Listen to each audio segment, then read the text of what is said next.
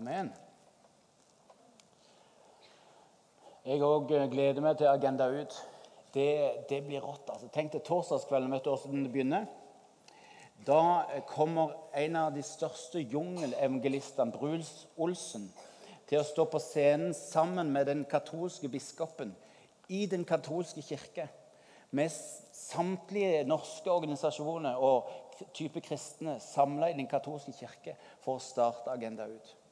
Det, bare det i seg sjøl bare ryster hele Kirke-Norge og setter en agenda som gjør at vi på mange måter tror at det blir Norges største misjonskonferanse noen gang. Eh, et eh, vanvittig program. så Jeg vet du hva, jeg bare sprudler over av begeistring når jeg ser hva som eh, kommer til å skje i slutten av oktober. Og at det skal skje her på huset. Mesteparten skal skje her på huset. Kveldsmøtene blir her på huset, hvor, hvor hele Kirke-Norge men, men de må gjøre det imisk. De må, de må gjøre det på imi-måten. Kan du tenke deg? Få lov til å invitere og være en del av en landsomfattende misjonskonferanse som kommer til å få betydning for byen, landet og til verdens ende. Så um, ikke bare fordi det blir dyrere den 15. oktober. Dette må du ha med deg. Det blir uh, Nei, vanskelig å finne ord. Mitt navn er Terje Høiland. Jeg får lov til å være internasjonal leder i Imi-kirka. Litt sånn uforsiktig sagt så er ansvaret mitt å bringe Imi-kirka ut til nasjonene og nasjonene inn i Imi-kirka. Det er et privilegium. Så handler det egentlig om Jesus begge veier. Men eh, det gir et godt bilde av, hva jeg får lov til å være med på og være en del av, og hva jeg får lov til å lede. Eh, I dag så går vi videre med temaet godhet. Vi tar godhet ett steg videre eh, i, i, dag og i ukene som kommer, i oktober og november. Og lanserer derfor et helt nytt cellegruppeopplegg med spørsmål, med betraktninger, med, med ting å lese. Eh, få det med deg. Det ligger ute her på bordet rett bak miksepulten. Så alle dere som er i cellegruppe, få det med dere. Eh, det er for alle andre. Og Er du ikke en del av en cellegruppe, eh, så få lov til å sitte ned og snakke etterpå om det du har sett og hørt på en gudstjeneste. Få lov til å, å, tilhøre et litt mindre fellesskap. Så er det egentlig bare å løpe uh, til Elling og Martin og Irene her og så si vet du hva, dette må jeg ha med meg. Jeg vil være en del av familien og, og være i et sånt fellesskap. Det er um, avgjørende. Det er, det er, rett og slett heftig gøy å være en del av Imi-kirka. Vi har en drive i å bringe Guds godhet ut til byen, til landet og til nasjonene. Vi begeistres og, utfordres av Guds oppdrag til oss om å hjelpe stadig flere til vennskap med Han. Som menighet er vi på stadig utkikk etter nye måter å ryste denne verden med godhet. Vi leter aktivt etter eh, godhetsaktører i samfunnet vårt som trenger å heies på, f.eks. gjennom kollektene våre. Vi søker aktivt å stille opp på sida av de rettferdighetsløse i samfunnet, de som ingen tar parti for. Og som Jesus tar opp kampen sammen med deg og meg når vi er i trøbbel, så tror vi at vi som kirke er satt til å ta opp kampen sammen, sammen med de utsatte i samfunnet vårt. Jeg merker for min del at det inspireres at vi har så mange sprø folk i denne menigheten. Det Halleluja. Så mange som tar Guds godhet ut til nabolagene, til byen i helgene, til universitetet, inn i rusmiljøene, inn i idrettslagene, til de som trenger ny økonomisk oversikt, til fengslene. Du hørte Archie og Peggy som, som tar det ut til engelskspråklige i byen.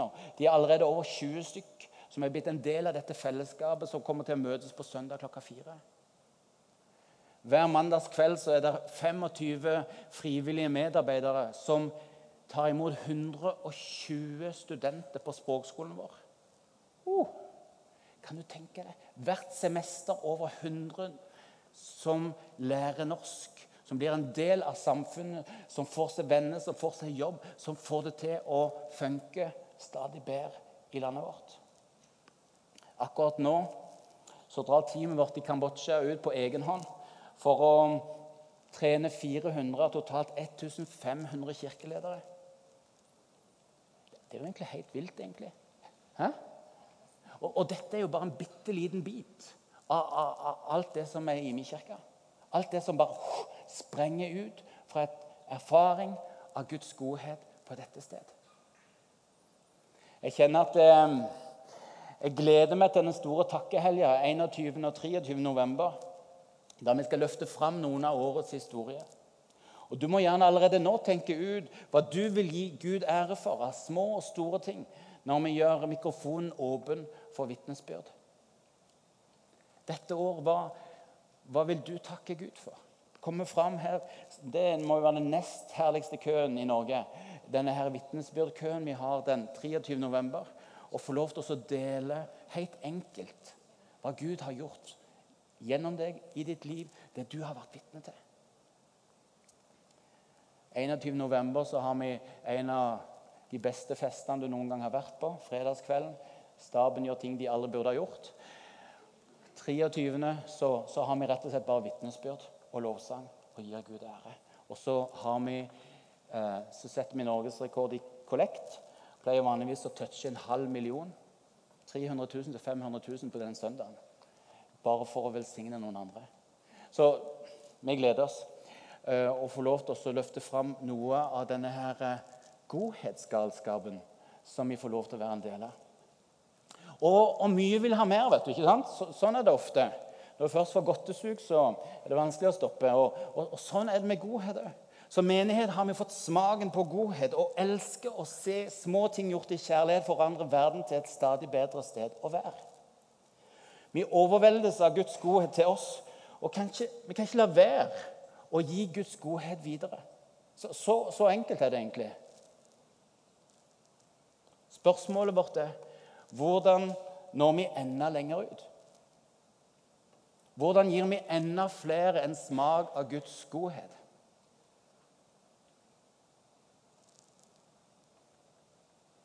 I enhver kultur så vil det være motkrefter og mekanismer som gjør godhetsoppdraget vanskelig.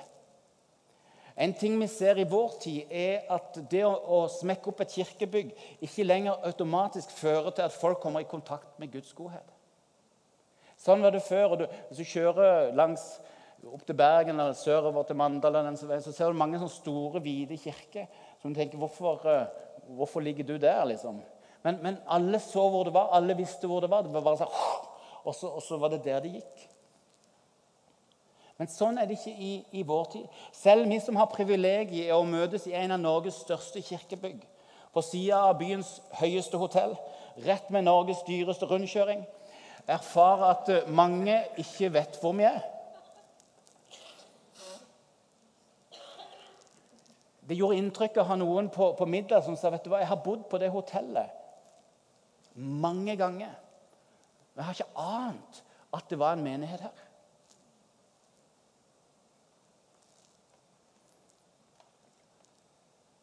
De aller fleste finner ikke veien på egen hånd til kirkebygget. Derfor skal vi våge å, å tenke mye enklere om kirke.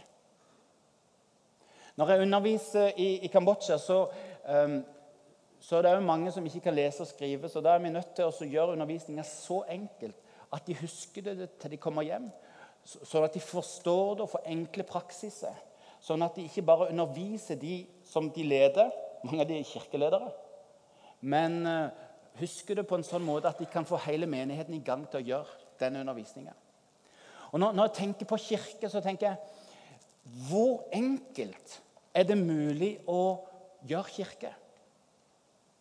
Det, det er en spennende tanke. Hvor enkelt? Hvis vi, hvis vi bare kutter det ned og, og forenkler og forenkler, forenkler hvor, hvor enkelt er det mulig å gjøre kirke? La meg gjøre, et forsøk. Hva om kirke er et bord i et hjem? Hva om kirke dypest sett var så enkelt som å samles rundt et bord? Hva om vi ikke lenger tenker å plante kirke, men plante bordfellesskap i levende hjem? Hva om det ikke kommer an på bordets størrelse? Eller maten som settes på bordet? Hva om kirke er så enkelt at det handler om å sette seg rundt bordet sammen? Når Johannes eh, i Bibelen skal forklare hvordan du kan bli en Jesusvenn, så sier han om Jesus Se, jeg står for døren og banker. Om noen hører min røst og åpner døra, så vil jeg gå inn til han og holde måltid. Jeg med han og han med meg. Åpenbaringa 3,20. Å bli frelst, å bli en kristen, å bli en Jesusvenn beskrives her som at du og Jesus setter dere til bords sammen. Er ikke det nydelig? Det var det tre av dere gjorde just i stad. Det er det, det, det, sterkeste jeg kan tenke meg. Når noen hører han står og banker, lukker opp døra si, 'Kom inn', sett, og setter seg rundt bordet med Jesus. Så nydelig. Så enkelt å se for seg. Ikke sant? Å bli en kristen handler om å sette seg rundt bordet sammen med Jesus. For mange av oss var det fantastisk å oppdage at han satt der allerede og sa har du lyst til å sette deg. Jeg har lyst til å, å henge med deg. Så får vi lov til å sette oss rundt det bordet, og ut fra det fellesskapet rundt bordet så vokser vi i stadig kjennskap, stadig vennskap til Jesus. Begynnelsen på et dypere vennskap med ham. Det er noe som skjer når vi setter oss rundt bordet sammen. Vi vet at måltidet i Sakkeus sitt hus ble til forvandling for hans liv. I løpet av måltidet sammen med Jesus fant han tilbake til sin sanne identitet og fant frihet fra at han tidligere hadde søkt status i penger og velstand. Han fikk lov til å bli fri fra likes på Facebook og hvilken bil han kjørte, og hvor mye penger han hadde å rutte med, og fant tilbake til sin sanne identitet. Det er derfor du ikke finner Sakkeus på Facebook lenger. Han, han logger av. Vi vet at den første kristne kirke møttes i tempelplassen sine offentlige bygg. Men at styrken i fellesskapet kom fra det daglige måltidsfellesskapet som ble etablert i hverdagslige hjem. Etter endt arbeidsdag, etter dagens slit og glede, tente de stearinlysene, satte fram kveldsmaten, delte hva de var takknemlige for, og hva de var utfordra Hva som var krevende. Og Her kom det stadig nye fjes rundt bordet. Det var, det var alltid plass til flere. Om det ble trangt, så betydde det bare at de kom enda nærmere inn på hverandre. Det var liksom så overveldende. Jeg trodde kanskje 15 i mitt lille hus var mye, men så ble de 30, så ble de 45. Så, så var det plass allikevel. Og det viser bare at de kom stadig nærmere hverandre. Her, før ungene ble lagt om kvelden, tok de fram wienerbrød. Altså ikke wienerbrød, men vin og, og brød. Okay? Jeg trodde lenge at Bjørn Eidsvåg eh, sang om wienerbrød. Så eh, bare være litt tydelig på det. De tok fram vin og brød. ok? Og så feira de nattvær sammen. 3000 nye kristne fra pinsedagens gjennombrudd var en del av dette. På samme måte som du og meg i kveld. Noen av de var i byen kun for høytiden og tok måltidfellesskapet med seg hjem til sin by og sitt land. Dette enkle og, sterke fellesskapet var så tiltrekkende at bare etter noen kapitler ute i Apostlenes gjerninger så kan vi lese at bordfellesskapet hadde økt til 5000 mennesker. Jeg inspireres av våre venner i Asia. Pastor Mang i Yangon, Myanmar. Du får et bilde av han her på, på, på skjermen. Tidligere Burma. Han bygger kirke på denne måten. Åpent hus for de betyr at folk kan bo sammen med de i kirka. Om de har lyst. Ja, kom, vi har plass på gulvet. Det er litt rismatter, det er pute, og så er myggnett over. Det, det, det, er alltid plass, og hvis du trenger et sted å bo, så, så er det fullt mulig der. Som han sier å fremstå hellig og perfekt på søndagen er ikke vanskelig. Det er når vi velger det nære fellesskapet at det blir tydelig at troa vår holder i støvete hverdagsliv. Det, det, er det viktig at folk får se, sier pastor Mang. Du kan se hele videointervjuet som jeg lagde med han da jeg traff han på voyagetolife.com. Og du lurer litt på hva det er, så kan du gå inn på imekirka.no og så bare trykke på 'internasjonal ikone', og så, så er du der. Så finner du veien. I Laos er det ennå forfølgelse og motstand. Det, det er blitt litt bedre, men stadig er det forfølgelse og motstand. For ikke så veldig lenge siden så ble landsbyens to kristne familier kasta ut. De hadde lenge hatt vanskelig for å tjene penger i, i landsbyen, men ingen sanksjoner tok motet fra dem. Og til slutt så ble de bedt om å forlate landsbyen. Vet du hva det førte til? Mismot? Nei. To nye kirker ble planta der hvor hver av familien planta sitt måltidsfellesskap. En av evangelistene våre i Kambodsja, som du får bilde av her, eh, Tiger, sammen med kona hans Det er han som eh, i godhet binder landsbyens døde på ryggen og kjører dem på mopeden sin fra sykehuset og til sørgeseremonien. 180 km. Ingen andre vil ta i det. Veldig mange har ikke råd til den taxien som skal ta hånd om det. Så han sier til landsbyen eh, men jeg kan gjøre det, jeg har moped. Binder den døde på ryggen og kjører de hjem, sånn at de får lov til å gravlegges hjemme. Han uh, forteller at hans frimodige vitnesbyrd og, og de mange som kom til tro på Jesus, førte til at sjefen hans ba han om å slutte i jobben. Han var offiser i militæret. For mange soldater kom til tro. Da jeg traff han i april, så sier han nå lever vi bare av inntektene fra, fra, noen få jordstykker. Men hver jul forteller han, så inviterer vi hele landsbyen der vi bor, til vårt måltidsfellesskap. Vi er lei oss for at vi ikke kan gi dem mer enn ei flaske vann og litt kjeks. Men vi erfarer at hele landsbyen kommer, og at vi gjennom dette enkle bordfellesskapet får gi mennesker glimt av Gud og hans godhet. Også Hans historie kan du lese på voyagelife.com. Du kan få en liten skjermdump av det. Sånn ser det ut. Um, utrolig mange sterke historier òg uh, om teamet som nå reiser ut på egen hånd. Jeg gikk for en, eh, kan du bare slå av bildet? Jeg gikk for en tid siden i Paulus sine fotspor og besøkte bl.a. ruinbyen Efesos. En av de best bevarte og mest besøkte um, av Nytestamentet sine steder. Jeg tror det er ca. 3,5 millioner mennesker som, som, kommer inn i den gamle byen hvert år. For Den har veldig mye intakt ennå fra år 50, altså rundt Paulus' i tid, og, og, og fram til ca. år 400 etter Kristus. Og så, blant annet, så gikk jeg rundt på det åpne torget, agoraen, som det heter. Og så var det ennå intakte søylegangen som gikk rundt den åpne, firkanta plassen.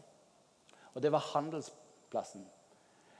Eh, og det var sannsynligvis der Paulus og, og, og vennene hans hadde teltmagerverkstedet sitt.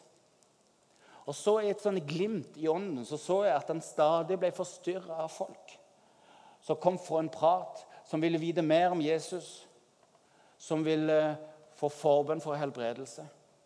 Og Det var sannsynligvis òg der det smalt, med disse her Artemis-sølvsmedgjengen, som ikke likte at så mange vendte om fra det og til Jesus. Da de brant magibøker i den byen, sier Bibelen, så var det en verdi på 50 000 årsverk som gikk opp i røyk fordi folk ville bli fri. Og Så fant jeg et sånt kart over byen og la merke til at det var to-tre uh, kirkebygg som var inntegna fra hele den perioden. Ikke så veldig store, litt sånn små litt i utkanten av byen. Det syns jeg egentlig var litt underlig.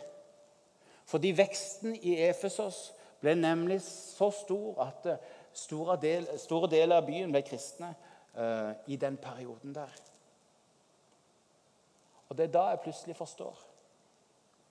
På dørstokken over flere av husene ser en enda inngraverte kors. Mon tro om ikke det var merket på hvor måltidsfellesskapene var å finne?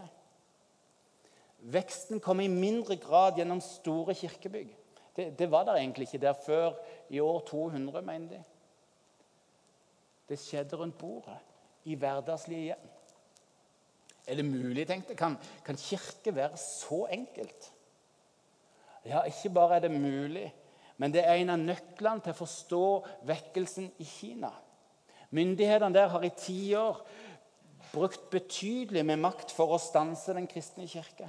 Men kirka har bare fossa fram gjennom små måltidsfellesskap i levende hjem. Det er ingen motsetning mellom storfellesskapet i kirkebygget og, og måltidsfellesskapet i hverdagslige hjem. Vi, vi, trenger begge, vi, trenger begge, to. Men bli med meg på et lite forsøk. Hvis dette bygget brenner ned til grunnen i natt, da det er ingen her og det var heldigvis ingen liv som gikk tapt, men, men, hele bygget er lagt i grus og kan ikke brukes på veldig lenge. Ok? Halleluja. Nei, flott. Um, hva ville da skje med menigheten? Ville alt stoppe opp? Ville det være slutten på Imi-kirka? Eller hvordan ville menigheten da ha sett ut? Hva, hva, hva tror du? Kan jeg gå sammen to og to, tre og tre, fire og fire, sånn, cirka sånn som dere sitter da? Og så bare, bare snakk litt sammen. Hva, hvordan ville da menigheten sett ut? Hvis det, dette bygget ikke kunne brukes lenger. OK?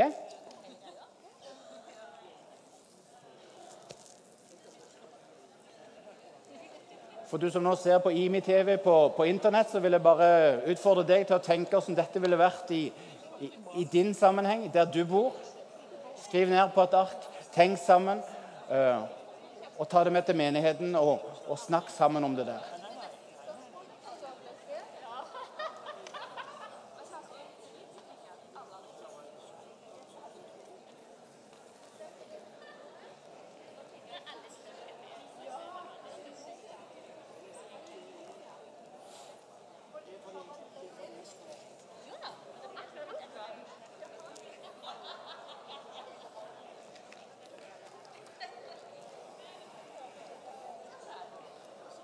Kjør på. Ca. ett minutt igjen.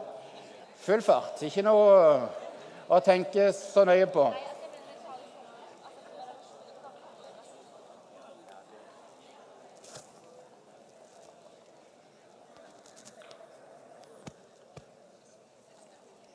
Ja, kjempebra. La, la, meg bare få lov til å høre noen forslag. Hvis dette bygget ikke fantes, hvordan ville da menigheten ha sett ut? Bare rop det ut. Du trenger ikke å rekke opp og reise deg og si navnet. Du bare rop det ut. Mm, I tusen hjem. Flott. Andre? Det er åpenbart ikke bare ett svar her. så Det, det, det var ikke sånn Å, oh, søren, der sa hun det. Ferdig. Hva, hva, hva mer? Ja? Husmenighet. Flott. Noe mer? Skype. Ja. Fantastisk. Kjør på. Det med å gå på i karisma? Var en her på klokka 11 som sa ja, men jeg har vært på Karisma, så vi kan gå der. Så vi bare sender en hilsen til Karisma og sier vet du hva, det aner oss at eh, det hadde vært et godt sted å være. Så eh, nydelig. Andre?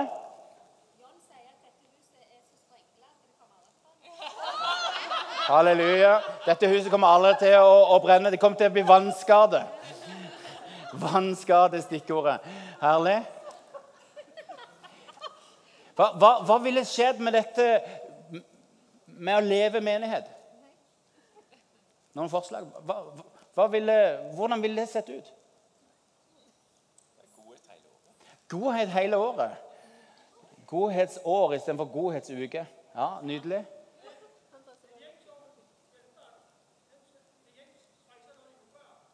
Ja. Komme sammen. Nydelig. Det var nesten som oljemessa, ja. Ja. De hadde òg slitt hvis ikke vi hadde hatt hus. Det er en annen ting. Ja. Vi hadde bare kjøpt Oilers Arena. Jeg tror faktisk det er billigere med Viking stadion, spør du meg. Men eh, nå skal jeg ikke ta den diskusjonen. Hei. Ja da. Heia Start. Da fikk vi det på video. Vet du hva? Det er jo ikke sikkert vi trenger å vente til en storbrann treffer oss, før vi bare begynner å ta kirke ut til der folk er. Ikke sant? Det er ikke sikkert vi trenger det. Noen ganger så, så lurer jeg litt på om Gud sier om, om dere virkelig vil jeg skal selge, sende forfølgelse til dere, siden dere sitter så og venter. Og tenk, Kanskje vi har nok kunnskap til å bare gå med det. Bare ta det ut. At ikke vi trenger sånne store ytre ting for å bringe Guds godhet ut. Hva om kirke er et målretta måltidsfellesskap i ditt hverdagslige hjem? Kan du tenke tanken? Hva om kirke er i de stue? Kan du være med, med meg på den tanken? Du ser for deg de stue. Så langt henger du med? Bra. Hva om kirke var i den stua? Stor, liten, spiller ikke noen rolle. Stiv Anne Kristin Brøns lever i dette og inspireres av hvordan de i høy grad av travelhet har fått dette til. Steve, vi sitter på et møte, og så forteller Stiv at et enkelt kjøkkenbord fungerer enda bedre enn stivpynta bestestue. God bless you. Det er de som kommer inn i det hverdagslige. De som får sitte og lese litt i en stol mens vi hjelper ungene med lekser, og som så spiser sammen med oss. Det er de som vi får nærmest fellesskap med, forteller Stiv. Den store, flotte middagen er bra. Det skjer mye flott rundt det bordet. Men når vi lar besøket være med å ta ut brunosten fra kjøleskapet, det er da vi på en måte får lov til å være dyptgående i kirke sammen, forteller Stiv. Vet du hva? Jeg kjente at skuldrene bare sånn oh, Det trengte jeg å høre. Jeg begynte til og med å se for meg muligheter for at jeg kunne bli en del av et ukentlig måltidsfellesskap. Kanskje til og med i mitt eget rodete hus. Radikalt, spør du meg. Vet du hva? En vanlig uke hos oss er to dager med fotballtrening, to dager med fotballkamper, to dager med sjakktrening, en dag med piano og en med gitar. Det er heldigvis samme dagen. En dag med gjeng i kirka, en dag på gudstjeneste. I tillegg så er det turneringer, det er turer, det er overnatting og det er bursdager. Og så, så Det er rimelig heftig. I tillegg er det ingen av oss som er særlig flinke til å forstå vitser med klesskap. Vi har funnet flere alternative løsninger hvor gulv i stua er en av de. Fungerer kjempebra. Akkurat der du tørker tøyet, så kan du liksom bare slippe det rett ned og så kan en bare finne det der. Det, det er helt genialt. Travelhet og det norske behovet for å fremstå ryddig og pyntelig er kanskje min største hindring for å bli med i et levende måltidsfellesskap. Når jeg hører Stiv fortelle, så ser jeg at det likevel er mulig. Og så legger jeg merke til at familiefølelsen kommer av å gjøre det sammen. At vi ikke trenger å lage alt ferdig før folk kommer. De kan kanskje til og med være med og brette tøy. Den så jeg plutselig nå.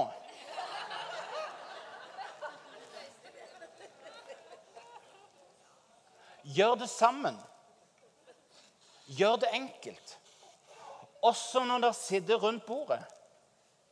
For, for noen av dere vil si at mm, ja, dette her, um, dette her kunne jeg ha lyst til å faktisk begynne med og være en del av. Men jeg er litt redd for hva gjør vi når vi sitter rundt det bordet. Og Senere så, så, skal vi få lov til å gi deg noen rammer, noen ideer, noen, noen måter å gjøre det på. Men, men, generelt gjør det enkelt. Gjør det enkelt. Del mat. Del takknemlighet. Del utfordringer. Og så tror vi på det å dele nattvær sammen i de fellesskapene. At vi omsider setter nattverden fri. Og det, tar det tilbake til sånn som det var i den første kirke. Og gjør det i hjem etter hjem etter hjem. De gjorde det hver kveld. de. Det er ikke mye radikalt å gjøre det én gang i uka. Men utrolig hvordan det vil knytte oss sammen i fellesskap. Og få lov til å dele vin og brød. og få lov til å smake og kjenne at Herren er god. Få lov til å smake hans tilgivelse og ta videre ut i uka med det utgangspunktet at det tilhører en familie. Og er fullstendig satt fri. Oh. Alt jeg egentlig trenger, er å låse av en kveld til å spise mat. For noen av oss er det veldig attraktivt. Og alt jeg trenger å gjøre, er å komme sammen med andre. Ta ut osten og melka fra kjøleskapet, skjær opp litt brød og finne en stol. Kan kirke være så enkelt? Ja. Plutselig så forstår jeg litt mer om hvorfor sabbaten ble så viktig. For hva handler sabbaten egentlig om? Jo, lite gåing, mye fest og glede og mat. Sabbatsreglene tror jeg ble gitt for å hjelpe folket til å sette seg. Sette seg rundt bordet, se hverandre, dele takknemlighet og utfordringer. Vi tror ikke på å regulere noe med strenge regler, men at vi trenger hjelp til å sette oss sammen, er heva over enhver tvil. Fins det demoner i Norge?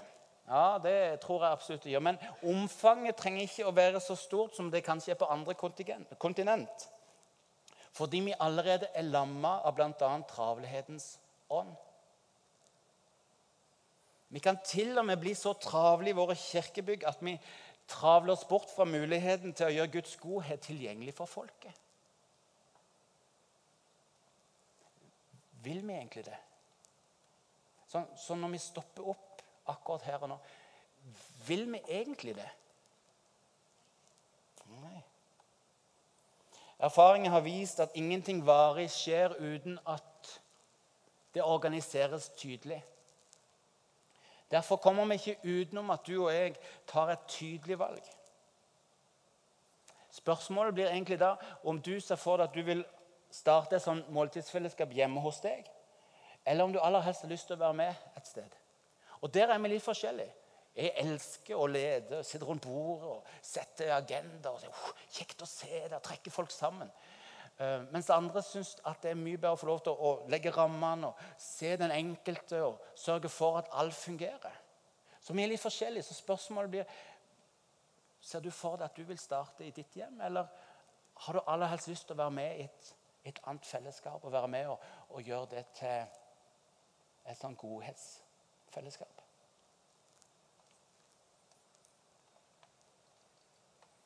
Jeg har uh, hatt sammen med Ole Gerene og, og, Hanne over 100 forskjellige middagsgjester rundt bordet de, de siste to årene. Vi må bare innrømme at vi har vært litt ulydige og servert uh, bare, bare, smak på det fransk lammegryte. Mm. Som har stått og småputret i åtte timer før det serveres. Det bare løsner fra beina. Det bare, uh. Um, hjemmelagd krema fiskesuppe karibasert kyllingrett. Som bare liksom Hjemmelagd gourmet-hamburgere som du ikke finner i noen restaurant. Jeg har virkelig sett overalt, men det er ingen som er så gode som mine.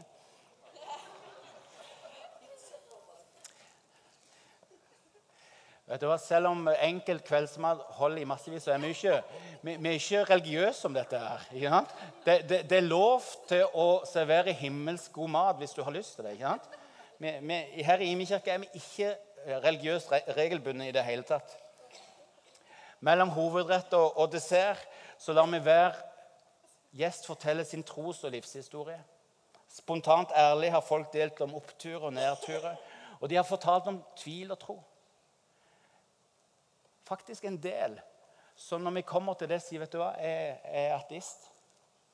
Men det er så godt å være på Imi. Nydelig. Dette er jo menigheten for ateister. Hæ? Er det et sted jeg ønsker at ateister skal gå, så er det her. Enig? Så det vet du hva, så nydelig at du er en del av fellesskapet. Det gir meg en sånn følelse av å stå på hellig grunn. Felles for oss alle er at vi har endt opp rundt samme bord. Og, og midt i forskjelligheten merker vi noe fantastisk. Vi tilhører hverandre. Vi blir familie for hverandre, uavhengig av hvor mange medlemmer som er i vår egentlige familie. Det er nydelig. Ingrid, du må komme. Du er en av de som har vært på middag hos oss. La oss høre sannheten om dette her virkelig. Nei. Spørsmålet er hvordan du har opplevd det, og, og hva det hadde av betydning for deg. Gi henne en stor applaus.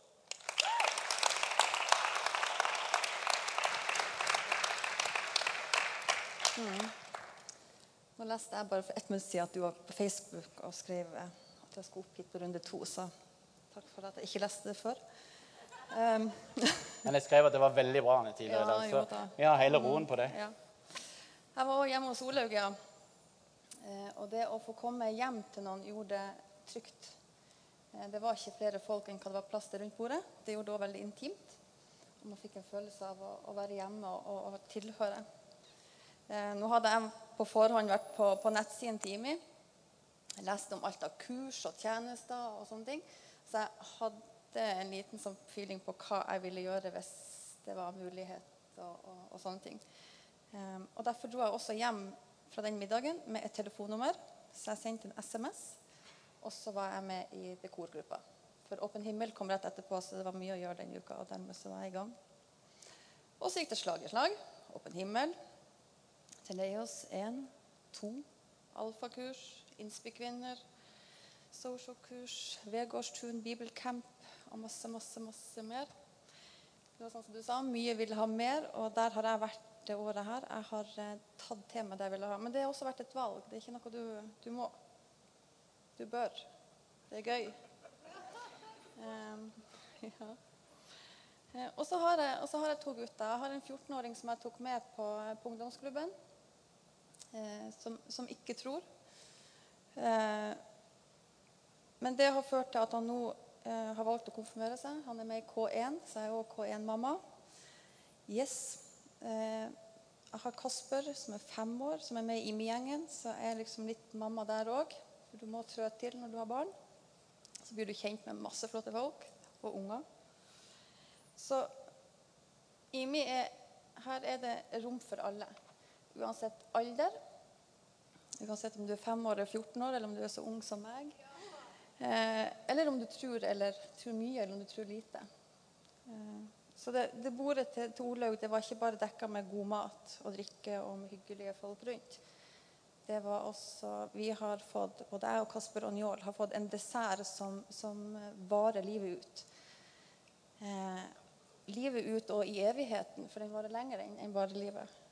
En dessert som er fylt med kjærlighet, velsignelse, nåde, trygghet, tilhørighet, godhet. Det er ikke noe holdbarhetsdato på det. Gud er evig. Det er beste konserveringsmiddelet som fins. Eh, hermetikken, den er Ja. Nydelig. Skal vi gi en god applaus?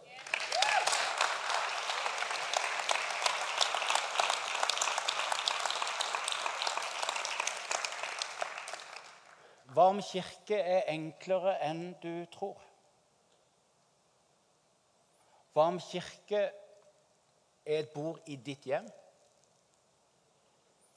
Hva om et enkelt bord i ditt hjem kan bli til forvandling for mennesker som lengter etter en erfaring av Guds godhet? La oss være litt stille og la det få lov til å synke inn, det du har fått lov til å bli inspirert av, det du har fått lov til å få nye bilder om i dag. Så tror jeg Gud vil ta det ned for deg, sånn at du får ditt bilde, sånn at du kan få se for deg hvordan dette kan bli i din hverdag. La oss bare være litt stille og så be litt og la det synke inn. Herre Jesus, kom. Ta tak i oss, sånn at vi får lov til å gjøre Guds godhet tilgjengelig for stadig flere. Kom til den enkelte av oss nå og gi oss bilde av hvordan dette kan se ut i, i, i vår hverdag. I kanskje vårt hjem. Om det er en stor eller liten leilighet, om det er et hus eller om det er ei hytte med vannet. Herre, gi bilde til den enkelte om hvordan dette kan se ut. Når vi nå er litt stille.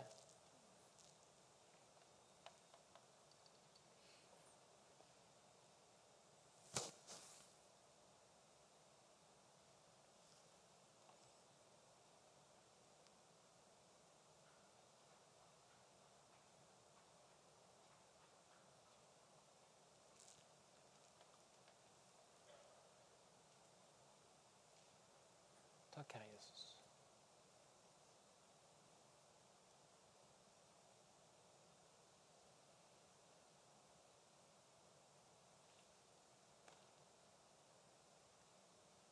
Takk for at du gir oss nye bilder av hvor enkelt kirke kan være. Takk for at du hjelper den enkelte av oss til å se oss sjøl inn i dette.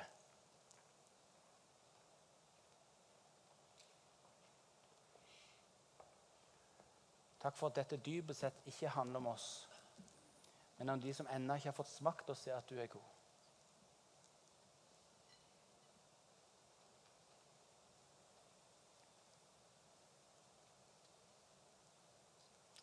Takk, Herre, for de livene som vil bli forandra gjennom de bordfellesskapene som vil, vil bli planta i ulike deler av byen vår, området vårt, landet vårt, denne verden. Herre, jeg takker deg for de forvandla livet som skal få lov til å komme ut av dette fordi de fikk et møte med din godhet. I nabolag, knytta til jobb, knytta til venner tilfeldige vi blir kjent med. Nye som kommer inn i denne kirka. Forvandla liv gjennom enkle bordfellesskap. Takk for at du gir nye bilder, sånn at den enkelte kan få lov til å ta det ned inn i sin hverdag. Takk for at ingenting ekskluderer. Uansett hvor stor eller liten familie vi er i oss sjøl, så skal vi få lov til å være med og bli familie for folk som lengter etter deg, far.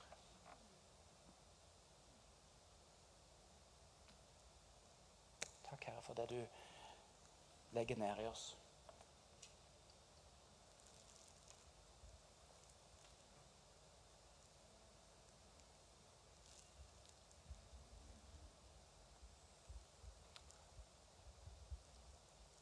Amen.